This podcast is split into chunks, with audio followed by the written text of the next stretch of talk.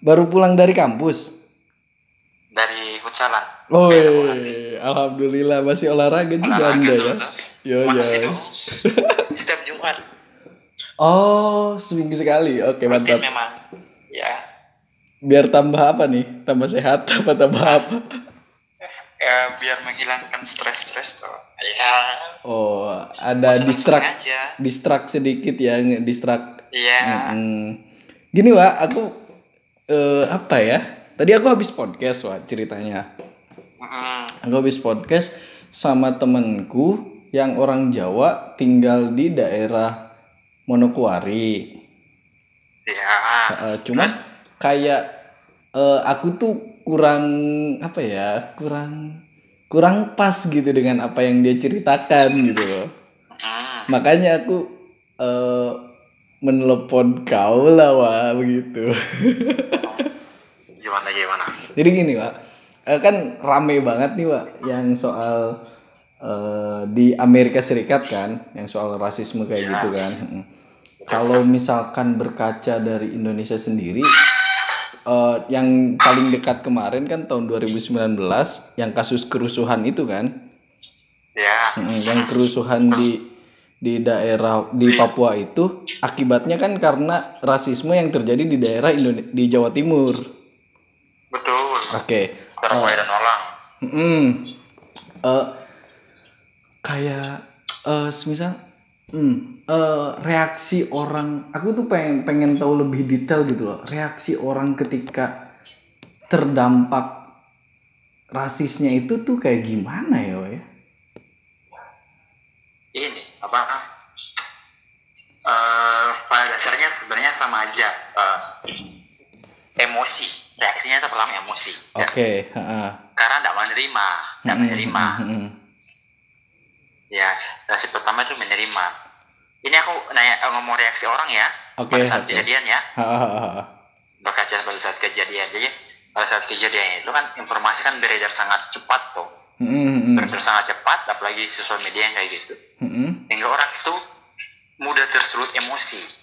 Oh. Apalagi orang, orang karakter-karakter di daerah sekitar sini, yang Mm, kayak kamu sebut Melanesia itu. mm, mm, Ini kan daerah daerah Melanesia tuh, Iya. rasnya Melanesia. mm, mm. Nah, ras-ras Melanesia ini ras-ras yang masih dalam tanda kutip mengutamakan eh, apa ya perasaan Oke. logika. Oh. Nah itu jadi ada ada sedih ada ada masalah sedikit.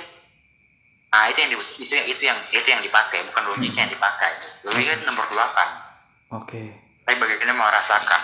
Jadi teman kami yang di sana dibuat rasis otomatis berdampak kepada kita di sini juga. Oke. Begitu. Eh, kalau Teman kami mm, mm, mm. gimana? lalu terus Gimana, gimana? semisal kayak eh, di daerah di daerah sana juga kan tentu banyak perantau dari daerah Jawa juga dong. Oh banyak banget. Ya. Apalagi tempatku ya. Nah. tempatku ini dibilang ya sudah kayak Jawa lah. Heeh, Nah, jadi eh, perilaku ras Melanesia terhadap orang Jawa itu bagaimana, Wak, kalau di sana itu? Kalau di tempatku tidak begitu ya. Mm-mm. Eh, di Sorong ini Mm-mm. kebetulan di Sorong di tempat gue ini terbilang yang paling aman se Papua Mm-mm. yang paling aman yang paling aman ya Mm-mm. nah kalau di tempat lain yang paling yang paling keras itu dampaknya di Wamena Oh. walaupun kita sama walaupun sesama Melanesia ya Jer ya Heeh. karena di daerah Sorong ini sudah banyak campur tangan sudah banyak eh, apa ya transfer transfer pemikiran dari orang-orang Jawa Oh, Sedangkan di heeh. Wamena itu, di Wamena itu kebanyakan basisnya itu orang asli. Dan memang Wamena itu orangnya terkenal dengan orang garis keras. Oke. Oh. Nah, orang Jawa di sini tam- tanpa disadari, mereka tuh mentransferkan kalau yang kulihat ya, mentransferkan pengetahuan-pengetahuan pemahaman-pemahaman kepada orang sekitar sini. Itu di Sorong, bukan di Wawena. Bukan di Wamena. Hmm. Di Papua Barat masih mendingan. Hmm. Tapi di Wamenanya yang menjadi masalah. Terus, oke, eh, s- terus apa nih, Wak, yang lu pertama kali pikirkan ketika ada berita yang rame ini nih di Amerika Serikat, terus orang-orang pada menolak rasis gitu kan, "Eh, stop rasisme gitu kan. Itu bagaimana? Sebenarnya aku aku ini udah ngupdate Jer. awalnya aku udah ngupdate itu Oke. aku baru tahu itu pas nonton TV Oh, iya. sudah kejadiannya sudah kejadiannya sudah dua hari atau tiga hari ya ah, itu baru aku tahu Mm-mm. karena aku udah ngupdate tuh Mm, mm, mm. lagi fokus ke yang lain jadi nggak ngupdate berita ini apa namanya aku karena rasku ini ras Melanesia aja Oke, iya ah, benar. nah, Melanesia kan dari Maluku ke Papua, Ke Papua. Melanesia Mm-mm. nah tanpa sadar tanpa aku sadar tanpa tanpa tanpa disadari aku juga tersulut emosi Mm-mm. itu yang kurasakan pertama ya, bukan bukan berarti ini ya tapi oh, untungnya karena aku sudah tercampurkan oleh budaya-budaya Jawa Ah, ah. pemikiran-pemikiran yang Jawa akhirnya aku masih bisa mengontrol Ah, ah. yang aku utama aku rasakan pertama gitu kok kok gini banget sih apalagi kasusnya kan pada ter- terjadi pada orang kulit hitam Mm-mm. kulit hitam oh ini banget apa men men mendeskripsikan banget orang kulit hitam Mendiskriminasikan Itu yang banget ya. kurasa- Heeh. itu yang kurasakan nah tapi eh, untungnya kalau kalau apa ya hal-hal begitu yang terjadi di luar negara luar Indonesia luar negeri itu tidak terlalu begitu dampak. Mm-mm. berdampak besar pada daerah sini pada pada sini sih. Oh, oh. ya Iya. Soalnya yang ku takutkan itu ketika ketika apa sih namanya? Ketika di Amerika Serikat terjadi kayak gitu terus orang-orang orang-orang di Indonesia sendiri merasakan hal yang sama gitu loh. Apalagi apalagi kejadian kemarin tahun 2019 itu benar-benar terjadi. Takutnya itu bicara ras kalau bicara rasis itu sebenarnya bukan hanya buat orang Melanesia ya. Banyak juga kan. Orang Tionghoa juga di rasisme ya juga betul itu. Ah, ah, ini yang di- pusing oke oke. okay. rasisme. Begini, bukan hanya orang Tionghoa aja, orang Jawa pun kena rasis. oh ya Ketika orang Jawa itu berada di tempat lain yang eh apa ya, yang daerah apa ya, bahasanya apa? Orangnya minim, orangnya apa apa? Eh, orangnya sedikit, dia minoritas, Oh, minoritas. pokoknya intinya, Nah, sa intinya sama aja sebenarnya. Semisal orang Jawa di Sunda pun pasti dia akan kena rasis. benar.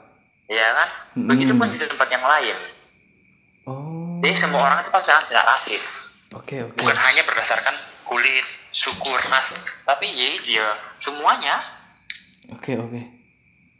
Itu karena faktor tidak menerima penerimaannya yang kurang atau bagaimana? Menurut ya, kau? eh, kalau, kalau menurutku salah satunya ya penerimaan jar, Hmm, penerimaan. tuh. Jadi kemudian ini eh, kesamaan, Kesamaan? kesamaan. Jadi eh, orang semisal orang Melanesia ini menganggap kebanyakan ya orang Melanesia menganggap bahwa orang Melanesia itu melakukan sesuatu harus dengan cepat. Oke. Misalnya ini permisalan, permisalan. Ah, ah. Melanesia harus melakukan sesuatu itu pasti gerakannya harus cepat. Hmm, Sedangkan mereka beranggapan kalau orang Jawa itu lelet. Oh, oh, oh, oh. Nah, itu satu karena ada apa ya normanya, normanya itu beda. Norma sosialnya itu beda. Hmm, hmm, hmm.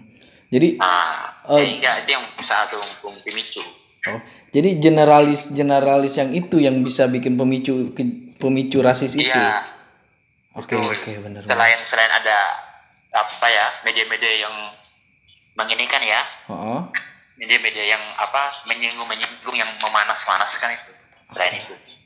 oke oke. Oh berarti wow. oke aku paham paham pak. Keresahanku cukup terjawab sih. Eh, ya. Tapi sebenarnya eh, sebelum terjadinya terjadinya kayak gini nih kayak kasus dua, tahun 2019 ataupun kasus-kasus silam Iya. ya, Pak ya. Itu tuh Ah. biasanya aktivitas eh, apa ya bukan aktivitas ya. Aktivit ya sih aktivitas orang pendatang dengan orang warga lokal di daerah Milanesia itu kayak gimana? Ya normal aja. Normal Seperti biasa. biasa. Mm-mm. Normal Tetap seperti biasa. tetap rukun Ya, walaupun- gitu ya. Ah, ah, rukun walaupun eh, masalah kalau di di Papua ini eh, ini ya eh, orangnya adalah orang konsumen Oke. ya. ya kan Mm-mm. bukan orang eh, produsen Mm-mm. jadi mereka eh, akan mengharapkan sesuatu yaitu mereka menunggu menunggu konsumen itu. Jadi ketika mereka tidak bisa memproduksi sesuatu mereka akan mencari cara untuk bisa mendapatkan sesuatu. Bukan memproduksi ya mendapatkan. Mungkin dengan cara melakukan kekerasan. Kekerasan tetap terjadi. Tapi Oh. bukan berarti an- eh, antara misal orang orang Papua ke orang Jawa aja tapi kepada, kepada sesama juga terjadi sesama juga bisa terjadi Sesama ya juga terjadi iya apalagi kak tadi yang yang apalagi kan kasus-kasus kekerasan, kekerasan sebenarnya banyak kayak Mm-mm. begal, Ya, maling, ma- banyak sekali. Iya apalagi tadi nih temanku temanku kan bilang e, Jer di sini lagi rame banget soal kayak pembegalan pembegalan Banget atau ya. apa gitu kan itu tuh karena kalau kata dia gua eh, gua kira karena covid kan tapi ya mungkin karena covid juga cuman ada kesempatan aja Ya betul. jadi covid Karena itu ya. covid itu menjadikan lahan kesempatan mereka untuk beralasan mang- mengambil barang gitu Sebenarnya enggak, oh enggak enggak. Oh, gimana Enggak gimana? aja. Wadaw. Dari awal, dari awal sudah kayak gitu. Sebelum ada covid. Oh. Oh, oh ya ya. Jadi- Berarti oh ya ya paham paham Di paham. tempat tinggal, di tempat di tempat tinggalku aja Jer. Mhm. Wah, sudah sudah dua kali ini orang masuk buat maling Di tempatmu di tempatku di kampus. di tempat Di rumah? tinggalku di rusun. Oh, di rusun. Oke. Hmm. Mm-mm. Sudah dua kali orang masuk buat orang asli di sini ya. Oke. masuk buat oke. maling. Itu sebelum covid. Mhm, mhm. Itu sebelum covid. Begitupun sebelum ini aku diceritakan ya sebelum sebelum diriku ada pun terjadinya kayak gitu. Intinya ada intinya ada kesempatan Mhm. mereka akan mela- mengambil kesempatan itu. Jadi bukan karena covid alasan mereka kemudian begal dan sebagainya. Malahan kemarin itu kan yang kebijakan-kebijakan terkait ini ya Yang mana tuh? karena covid Mhm. kemudian orang-orang di penjara di beberapa orang dibebaskan tuh Oke, eh, nah, eh, itu eh. menjadi itu menjadi keresahan sebenarnya karena ketakutannya ketika yang dibebaskan itu adalah pelaku pelaku begal dan sebagainya Oh iya, Mela- dia melakukan lagi. iya karena yang melakukan lagi dan itu memang terjadi ada beberapa tempat di daerah Sorong ini eh, yang memang terjadi itu begal akhirnya Oke. jadi bukan karena covid eh, kejahatan kejahatan kejahatan itu terjadi ya Itu ya Mhm. Uh. Oke. apa ya itu tadi aku sebutkan mereka orangnya konsumen mereka tidak ber, eh, apa ya produsernya mereka tuh mengambil barang orang lain maksudnya begitu Oh gitu ya. Oke. Uh, pantas aja dulu. Ih, ih, apa sih? Kok aku merinding ya ngomongin ini? Takut aku. Jadi kayak gini juga ya Gimana, aku pertama kali datang ke sini nyampe di sini itu Mhm. nyampe di Sorong itu aku dibilang eh, pertama jangan keluar malam sendiri Oke. eh, apalagi di atas di atas jam 9 malam jangan rawan se sebahaya itu kawa. Eh, nggak rawan toh dibilangnya gitu itu pertama kali datang Mhm. karena orang baru Oh iya iya benar benar. Hmm, ya kan? Yang kedua, ketika walaupun siang, pagi atau malam keadaan apa pun, kita sedang berada di jalan mengendarai kendaraan, kemudian di jalan itu di depan kita ada orang berkelahi, mendingan kita langsung putar balik, Jar. Daripada kita keikut atau apa gitu. Dan iya, pasti kita akan ikut di situ. Jadi jangan pernah mencampuri urusan. Oh, Itu. benar benar benar. apalagi sesama, apalagi sesama mereka ya ketika kita mencampuri urusan mereka maka kita akan dikambing hitamkan Wow. itu yang terjadi itu yang terjadi di sini hukum salah satunya adalah hukum adatnya juga masih kental dia Oh, iya iya iya benar benar sih. nah hukum adatnya juga masih kental Oh, oh.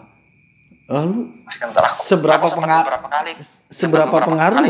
Atau gimana? Aku sempat beberapa kali jalan Hmm. posisinya sendiri Hmm, Oh, hmm. jalan itu rame kemudian jalan kebetulan jalannya jalan yang agak sepi ya Oke. sepi dari pemukiman, sepi Hmm. dari pemukiman. Memang jalan jalan lintas tapi sepi dari pemukiman. Nah itu sempat beberapa kali orang entah mereka itu sengaja atau yang main-main, tapi ya itu itu eh, apa ingatan warning di awal buat aku tuh ini kembali lagi aduh bahaya ini mereka mereka hanya ber- berdiri di pinggir jalan tapi itu menjadi ketakutan padahal belum ngelakuin kayak berantem belum kan belum baru kumpul-kumpul Nah. aja kan iya Wih. itu menjadi ketakutan Iya nah tapi yang yang bisa yang bisa ngelawan itu cuma ini jar cuma orang Ambon maksudnya jadi ada beberapa kejadian yang Mhm. orang asli sini kan Mm-mm. kadang dia begal ini nah ada Mhm. pernah kejadian itu di daerah tempat tempat dekat tempat tinggalku itu Mm-mm. Eh, supir taksi di sini angkot itu namanya taksi ya? Iya heeh. nah supir taksi ini orang Ambon. Nah dia itu hampir dibegal supir taksinya sama itu? orang asli. Iya sama orang as, as, orang sekitar sini. Jadi di sini ada salah satu tempat pemukiman warga warga orang asli sini yang Hmm. memang ba- or- warga itu banyaknya itu. Itu tempat kumpulnya orang begal maling dan sebagainya. Nah ah, orang-orang situ itu mau ngebegal begal tapi tidak jadi. Akhirnya supir taksi ini dia manggil teman-temannya dari Ambon juga buat Mhm. nyerang kampung itu. Ya terjadi penyerangan akhirnya. Begitupun tidak hanya itu ya di tempat-tempat lain juga sama. Iya sih. Ya sebenarnya sama ya bukan orang Ambon aja sih. Haha. tapi yang, yang lawan langsung itu orang Ambon. Kalau Jawa juga kayak gitu. Tapi kalau Jawa mulai gerak itu kalau sudah ada yang ada korban nah itu Jawa mulai gerak ah iya iya iya begitupun dengan Sulawesi dan sebagainya ketika ada korban mereka mulai gerak baru mereka bergerak iya benar benar ya Hmm. Berarti semua Nah, iya, Bang. sebenarnya emang hampir seluruh seluruh etnis juga memainkan perasaan ya. sama sebenarnya sama aja sih iya benar Bang. sama aja Oke. Oke, oke. Hmm. Lalu eh eh, pertanyaan tadi nih yang kayak mis- misal eh, ada berantem, ada kerusuh atau apa, jadi pengaruh aparat itu bagaimana di situ? aparat ini ya jadi peng- ini sih eh, kalau aku lihat itu aparat dia masih ditakuti Mm-mm. aparat masih disegani lah di sini Mm-mm. hitungannya jadi kalau ada gitu kalau ada aparat ya sudah mereka bubar Oh, oh kiri, Tapi- oh iya, Mas, masih tetap disegani itu ya, ditakuti masih juga. masih tetap juga sini aparatnya makin makin tambah banyak di sini Uh. sebenarnya yang kita takutkan itu yang paling ditakutkan bukan hanya itu ya Gimana tuh? tapi yang paling ditakutkan ini ini Eh, kelompok bersenjata ini Oh kelompok yang merdeka Oke oke. Kita kecohan. itu sebenarnya paling takutkan cara di daerah di daerah Sorong ini ada Papua Barat ya Iya Papua ini Barat. ada ada jenderalnya juga di sini Papua juga ada Jenderal Indonesia Merdeka. apa ya jen Papua ah, Mer- Papua Merdeka ya gitu. Hmm. ada tapi tidak tidak di Papua Barat ini tidak sekaya apa ya se ekstrim di Papua Hmm. Papua ekstrim banget tuh Iya iya iya tapi yang benar. masih kental apalagi bertepatan dengan ini kita ngomong ke mana-mana ya akhirnya ya Iya emang. Ini apalagi bertepatan sama tanggal 30 November sampai tanggal 1 Desember nah itu harinya mereka sudah Tanggal de- bulan November sampai Desember. ya punya akhir Desember sama awal Desember itu kita wes ekstrim hati-hati Oh, itu tuh hari mereka untuk menggerilya gitu kayak sih? Apa gitu? Eh, apa bahasanya bahasanya kayak kayak hari kemerdekaannya mereka gitu aja Oh iya iya. tanggal 1 Desembernya Tapi mereka itu hidup dengan kita berbarengan. ya berbareng aja kita kan nggak tahu Mm-mm. kita nggak tahu mereka nih iya apa enggak gitu Iya, oke. Uh, wow. tapi iya tapi akhirnya karena mungkin ini ya yang warning di awal tadi karena aku sudah kita ya bukan hanya aku sih beberapa orang mungkin karena sudah terbiasa Mhm. akhirnya ya tetap kita keluar malam tapi kalau sudah di atas eh, jam 10 itu kita ya segera pulang Mhm. kecuali rame-rame kecuali rame-rame eh kalau sendiri itu mendingan segera pulang Segera pulang kalau enggak nginep aja Karena gitu kan sepi. di rumah teman. iya karena sudah sepi, karena sudah sepi jarak ya walaupun beberapa kali aku pulangnya jam 11 malam sih Kebiasaan di Jawa itu. iya ngebut ngebut jelas ngebut Pakai motor itu, Mio itu, eh apa sih? bukan Jer Oh bukan ya. Mega Pro Wih, motor gede coy. Jeep style Waduh. Jeep style Jer Oke, mantap. baru aku Wah, wah, kalau misalkan ini aku rekam terus aku masukin podcast gimana?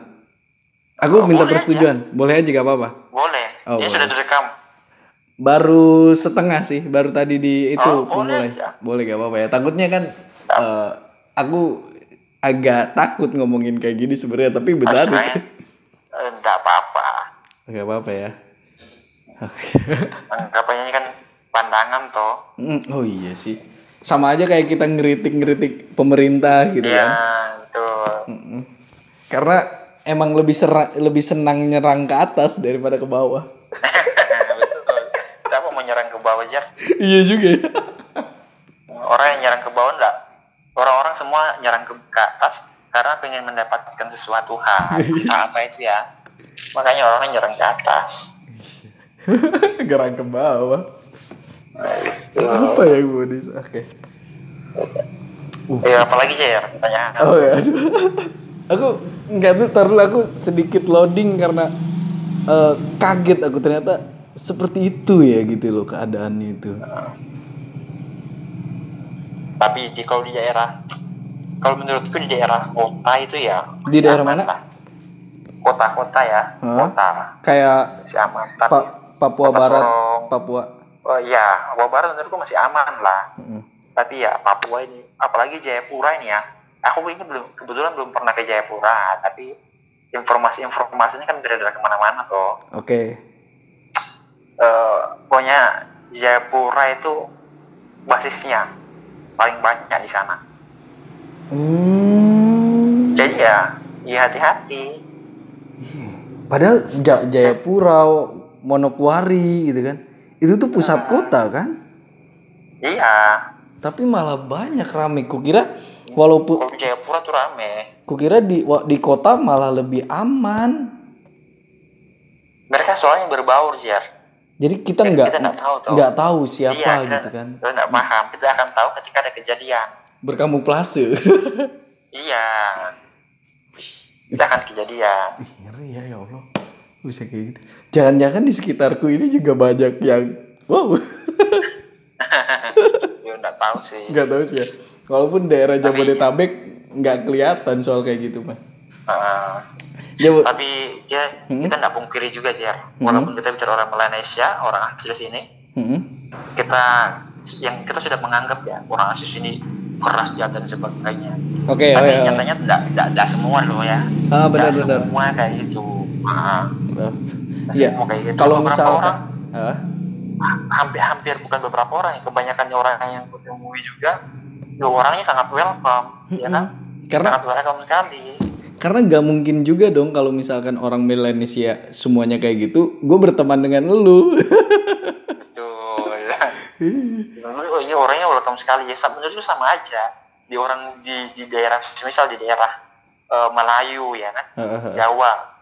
Eh, ya menurutku kayak gitu juga. Ada beberapa orang yang mungkin memang bawa- beranggapan kita orangnya rese ya bahasanya. Oke. kita tidak bisa takut untuk berteman dengan dia terus ada orang yang lebih ada orang yang enak atau bisa diajak berteman ya sama juga di sini juga sama Hmm, posisinya itu beda karena di sini itu sering dijadikan sebagai uh, bahan-bahan rasisme itu yang terjadi ya Iya. yang paling yang paling kelihatan Hmm, karena tuh karena benar-benar perbedaan identiknya itu jelas banget ya, Wak ya. ya jelas banget Jelas banget. Oke. yang kedua Hmm. Dari segi pendidikan kan tidak se tidak semaju kayak di daerah barat Iya. Oke. sehingga ya masih menyesuaikan Iya sih. Jadi, oh, ya itu contoh orang atas nyerang ke orang bawah. maksudnya gimana Jar? Oke, oke, oke, skip, skip aja, skip aja. oh, oh ya I know I know I know I know ya mungkin bisa jadi juga Bisa jadi juga Kita ya, tahu. Ya, banyak se- banyak itu kan banyak konspirasi akhirnya muncul tuh Um, um, sih. Jangan-jangan obrolan kita kali ini juga menyangkut konspirasi. konspirasi juga Waduh. ya bisa jadi Tapi tapi seru sih konspirasi. mengukur kelogisan kita gitu. Iya, Iya gitu. betul. Logis gak ya? Logis gak ya? Logis gak ya? Ya,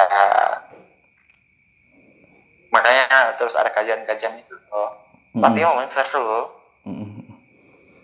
Eh, terus eh, gimana pendapat lu kalau sama orang yang yang ngebela bukan kan di Amerika yang kayak gitu kan banyak yang demo eh demo karena menolak rasis gitu. Iya, Itu tuh orang yang kayak gitu terus tapi eh, menolak rasis dengan cara kerusuhan gitu loh. Eh, pada dasarnya aku nggak begitu menerima itu Jar. Men- menerima kerusuhannya atau Iya, menerima kerusuhannya. dirasiskannya Terus kerusuhannya kerusuhannya. nggak begitu menerima, ya kan? Pertama mungkin eh, hal yang sebenarnya ini Jar. Mungkin dirimu tahu terkait dengan kerusuhan ini kan bencana toh. Mm-mm, bencana bencana sosial, Nah, bencana masyarakat. dirimu kan ya. karena ah dirimu kan masuk di psikososial. Oh, Nah, wadaw. dirimu kan ta- pasti kan tahu toh paradigma pencegahan resiko itu toh, Heeh. di mana resiko sama dengan M, apa Jar? aduh deh, Ya, M, M, M R, dikali, R sama dengan apa gitu, saya lupa. ya pokoknya eh, ancaman Heeh. dikali kerentanan, Ya, kemudian dibagi dengan kapasitas. nah benar. heeh. Nah itu toh konsep Mhm. sederhananya kayak gitu Jar sebenarnya. Iya. Jadi kita harus tahu dulu ancamannya kita ketika kita melakukan demonstrasi ini apa, kita menyampaikan kelas kita ini apa dan sebagainya. Kerentanannya apa, kemudian apa sih yang kita bisa berikan, apa sih yang bisa menetralisir hal ini. Mm-mm. Nah ini sih yang perlu kita kaji. Menurutku ini ini yang perlu kita kaji dulu. Kalau sampai kita turun ke lapangan itu menurutku enggak ini. Mungkin salah satu kapasitas yang harus kita lakukan adalah memulai dari diri sendiri untuk tidak rasis. Iya sih. Itu sih. Percuma kan? Benar. percuma. benar. Percuma kita meng, meng, meng- ini kan menyuarakan an, apa anti rasisme tapi kita tanpa sadar kita menjadi orang yang rasis juga. Oh, oh sih, bisa jadi sih. Betul. Iya juga ya. Ya mungkin Jadi kita eh, mungkin karena emang tersu ter itu karena emosi juga ya, ya. Jadi karena kayak ya gua gua udah memperjuangkan anti rasis begitu keras gitu kan tapi kok dilakukan aja gitu loh iya akhirnya muncullah perilaku agresi seperti ini iya betul tuh ya. Nah ini yang ini yang perlu diperhatikan.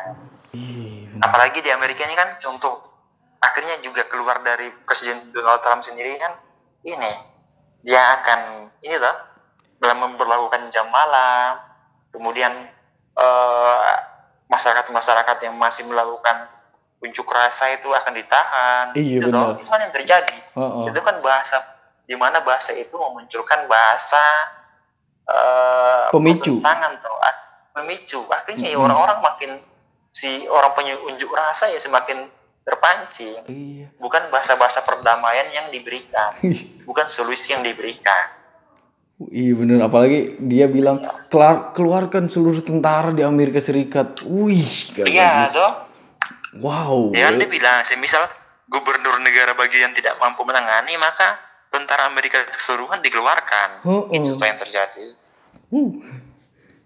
Iya sih, akhirnya terjadilah kayak gini. Udah ada iya udah ada bencana non a- bencana alam, sekarang bencana non alam muncul. betul? Subhanallah. Wow. Bu. Nah itu yang terjadi. Makanya menurutku ya itu langkah kita awal adalah kita harus menganalisa itu dulu. Sih. Ya kan analisa resikonya itu. Ah. Itu sebelum kita melakukan tindakan lebih lanjut. Iya benar benar. Wih, Pak berarti wih bikin pelatihan kayak gini banyak nih peminat jadi. Aku ya mungkin sih, setelah setelah kamu ngomong tadi resiko kayak gitu loh, Wak. Aku langsung ah. bat buka PPT dong. PPT dari Itu pajak. Iya. itu sebenarnya itu. Nah mungkin eh, aku tuh pernah ngikutin webinar juga. Ah. Eh, webinar eh, aku agak sepa- sepakat dengan webinar ini. Hmm. Jadi eh, tema tema besarnya itu kampung tangguh, Jar. Oke, oke, oke. Kampung tangguh. Tapi ini kan hanya fokus kepada covid tuh Mhm. kamu uh, seribu bidarnya fokusnya ke- kepada covid nah Mhm. eh, menurutku penerapannya tidak hanya pada covid ya pada semuanya Oke. jadi oke. kita mulai dari bermasing-masing unit apa ya kampung ya Mhm. kita mau mulai dari masing-masing kampung aja kita masuknya ke sana Oke. masing-masing kampung untuk me- menganalisa risiko itu mengurangi risiko yang terjadi Iya sih benar. risiko utama yang terjadi adalah risiko utamanya risikonya kan ini eh, terjadi rasisme Mhm. kemudian kekerasan kerusuhan gitu gitu kan risiko-risiko yang terjadi dari rasisme tuh nah ini kita mulai dari masing-masing kampung ya sebelum dari masing kampung kita kayak diri kita sendiri dulu ya Iya. baru kita implementasikan ke masing-masing kampung Aha. Iya sih. Tapi emang sebe- sebenarnya sih eh eh, apa masyarakat tangguh gitu kan atau itu tuh udah dibuat oleh pemerintah dari lama-lama sih Wak sebenarnya Wak. Cuman baru aktif-aktif baru Ah, aktif-aktifnya itu kali namanya? ini. Desa tangguh bencana. Gimana? Iya penerapannya. ya nggak maksimal Nah, itu dia masalah. Nih, Wak. karena pada dasarnya eh, pada dasarnya begini Jar Mhm. orang akan melaksanakan itu ketika ada imbalan buat dirinya ini yang terjadi Nah, betul. By moment nah. jadinya munculnya itu. iya betul. Aku aku ya kan? Orang tidak memposisikan dirinya sebagai ayo kita mengabdi. Iya, ya kan? Ayo kita mengabdi kita berbagi kita melakukan hal-hal sosial yang memang eh, berdampak bukan hanya pada diri kita tapi kepada semuanya. Nah berman orang tidak berpikiran ke sana. Kebermanfaatannya tapi itu malah mungkin sebagian kecil betul.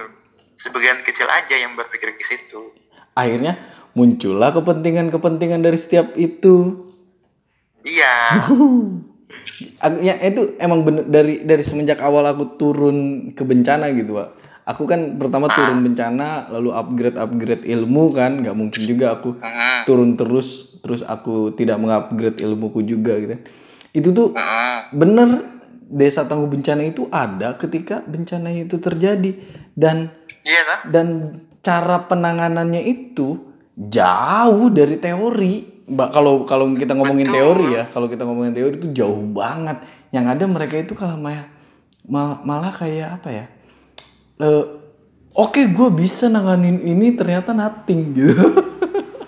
iya nah itu yang terjadi itu yang terjadi tuh Tapi mereka mengambil untung untung melalui apa ya kayak dokumentasi. Gua ngelakuin Iya. ini, gua bikin proposal, set dapet lah as dapet lah in apa in, eh, in income ke tim gua atau kelompok gua gitu. iya apalagi sekarang kan eh, ini ya booming boomingnya pencitraan ya dalam tanda kutip ya Ih, itu tuh itu kan terjadi akhirnya oke. Ngomongin soal pencitraan nih, Pak. Ya gimana ya Aku nih- tuh Aku nih lagi emang sih emang bener. Aku nih lagi resah banget kebetulan. Entah dalam waktu pokoknya semenjak aku balik ke Bekasi gitu kan, aku kan lebih sering terjun ke masyarakat gitu. ya. Gesekanku gesekanku sekarang masyarakat banget gitu.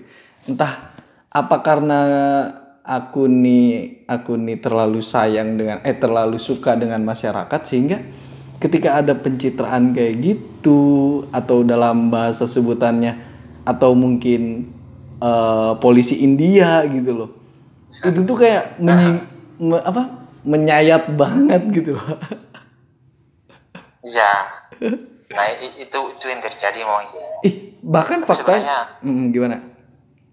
Eh, tapi sebenarnya kalau menurutku secara pribadi Eh, pencitraan juga memang perlu. Eh, eh, buat branding ya? Dalam beberapa hal ya. Iya buat branding. Misal kita pencitraan eh, tujuan kita adalah ingin membangun kampung tangguh itu ya. Heeh. maka pencitraan kita adalah dengan cara membuat kampung tangguh dulu sebagai bahan contoh. Iya nah benar gimana benar. kita yang membawa itu? Tuh kita yang membawa konsep itu untuk eh, dibawakan ke kampung-kampung lainnya. Nah ini kan perlu contohnya kayak Iya. gitu tuh. Nih tapi tapi masalahnya eh bukan masalah sih tapi eh, sering yang yang sering aku temuin itu tuh malah oke mereka datang semisal dari kelompok tertentu datang itu tuh langsung memberikan makanan ataupun donasi itu dipoto oke dipoto dong. Eh, dan aku menganggap itu adalah eksploitasi. Iya. eksploitasi ko- eh, dam- korban bencana yang kita expose gitu padahal dia tuh terkena bencana mereka foto bukannya menolong malah membuat mereka teriris hatinya mungkin aku mikir kayak gitu ya Mm-mm. tapi semoga aja tidak tidak niatan seperti itu sih Sebenarnya menurutku itu kan hanya pemikiran kita sementara. Oke, oke. Kesimpulan sementara atau hipotesa kita toh. Eh, kita akan sih. tahu kita akan tahu konkretnya iya apa tidaknya ketika kita setelah itu terjadi kita Mm-mm. melakukan kontak langsung dengan penyintas iya toh? Mm-mm. nah itu yang itu yang bisa kita lakukan. Untuk menjawab keresahan itu ya. Iya. Uh kita ngobrol panjang lebar. Panjang lebar ngalur ngidul. Tapi emang eh, podcast tuh harusnya emang kayak gini sih sebenarnya. Cocok lah aku ganti Indo di Kobuzer nih Oke ya, lanjutkan toh oke nggak apa-apa deh segini aja dulu. Gue oke dah thank you banget nih Pak ya. ayo sama-sama Jer Eh, eh, sehat-sehat Pak. amin sehat-sehat juga Jer Nggak ada kabar ingin ke daerah Jawa kah? Ada ah, entah proyek atau apa gitu. ya kalau untuk waktu dekat ini nggak bisa ya Hmm, oh iya sih belum bener. belum ada rencana juga sih Semoga nanti. tapi Mm, semoga nanti semisal kalau uh, covid ini sudah berakhir mm, dan akses perhubungan sudah dibuka mm, ya mungkin aku akan ke daerah Jawa akan ke daerah-daerah wilayah barat bukan hanya Jawa ya Iya. mungkin Kalimantan Jakarta. Jakarta mungkin Kan kalau- tergantung ada kegiatan atau tidaknya toh Iya sih bener. S- Ya biasanya sih ke pusat sih biasanya. iya tergantung ada kegiatan Langsung PP Muhammadiyah memanggil beberapa dosen, beberapa dosen dari Sorong. Eh, tapi kalau aku sih ngejarnya ini Jer apa gimana tuh? sekarang aku ngejarnya pengen komunikasi lebih lanjut sama eh, Dr. Livia. Dr. Livia ini beli- beliau eh, sebagai wakil ketua di LPSK. LPSK itu Lembaga Perlindungan Saksi dan Korban Republik. Indonesia. Heeh. Nah, beliau ini orang psikologi dan beliau ini sebagai uh, founder uh, pendiri dari Yayasan Pulih. Pernah dengar aja? Belum belum belum. Pernah dengar enggak? Yayasan Pulih. Nah, Yayasan Pulih ini lumayan lumayan ini kok. Lumayan besar kok sebenarnya ya, Bang. Mhm. lumayan besar. Ya gerakannya gerakannya gerakan sosial masyarakat. Uh, backgroundnya psikologi. Oh. Itu orang Muhammadiyah? Enggak, enggak Bukan. tahu. Oh, bukan. Bukan. Oh, oke oke. Oke. Tadi Dokter Livia ya, Dokter Livia, Iya, Dr. founder, Livia Iskandar. founder apa tadi? Uh, Yayasan Pulih. Yayasan Pulih. Oke. Ya. Nanti gue cari. Siapa tahu open recruitment. Yo. Iya, pernah komunikasi sih, ya kan. Oh. Juga insya Allah masih inget lah. Oh. Pernah ketemu juga, pernah ketemu juga soalnya. Pernah aku undang buat ngisi kuliah tamu tuh. Di Sorong apa webinar? Di Sorong. Ih. Sebelum Covid. Oh, sebelum Covid. Oh iya sih. Iya. Beliau beliau di di Jakarta di daerah mana, Wak? Kurang tahu ya kalau alamatnya ya. Tapi pokoknya beliau itu di ka- kantornya itu di Eh, kantornya. eh, maksudnya. coba coba cari aja kantornya di LPSK Jer. Lembaga Perlindungan Saksi dan Korban Republik Indonesia. Oh iya, iya, itu tuh perlu perlu ku pelajari nih daripada aku pikir-pikir seujon terus terkait eksploitasi korban kan. Betul. Jadi betul orang-orang yang berbicara terkait perlindungan itu Eh, saksi korban. bener, bener. Karena iya bener, bener. Wah, Anda sengaja mengarahkan saya ke sini biar tidak seujon ya. Tahu aja Oke, saya Oke, Oke, paham, paham, oke. Astagfirullahaladzim, guys, istighfar dulu lah. Enggak, itu tuh mungkin karena gue terlalu terlalu seneng dengan masyarakat, jadi akhirnya melihat kayak Iya. gitu tuh jadi ya sama seperti lu lah, emosinya nah kepake, eh kepancing lah ya. Ya, no problem lah ketika kita masih bisa ngobrol tuh. Oke bener. Oke, Pak. Ayo, thank you banget ya. Oke, ya sama-sama you Ayo. juga. Assalamualaikum. Ya, Waalaikumsalam, Tarekat.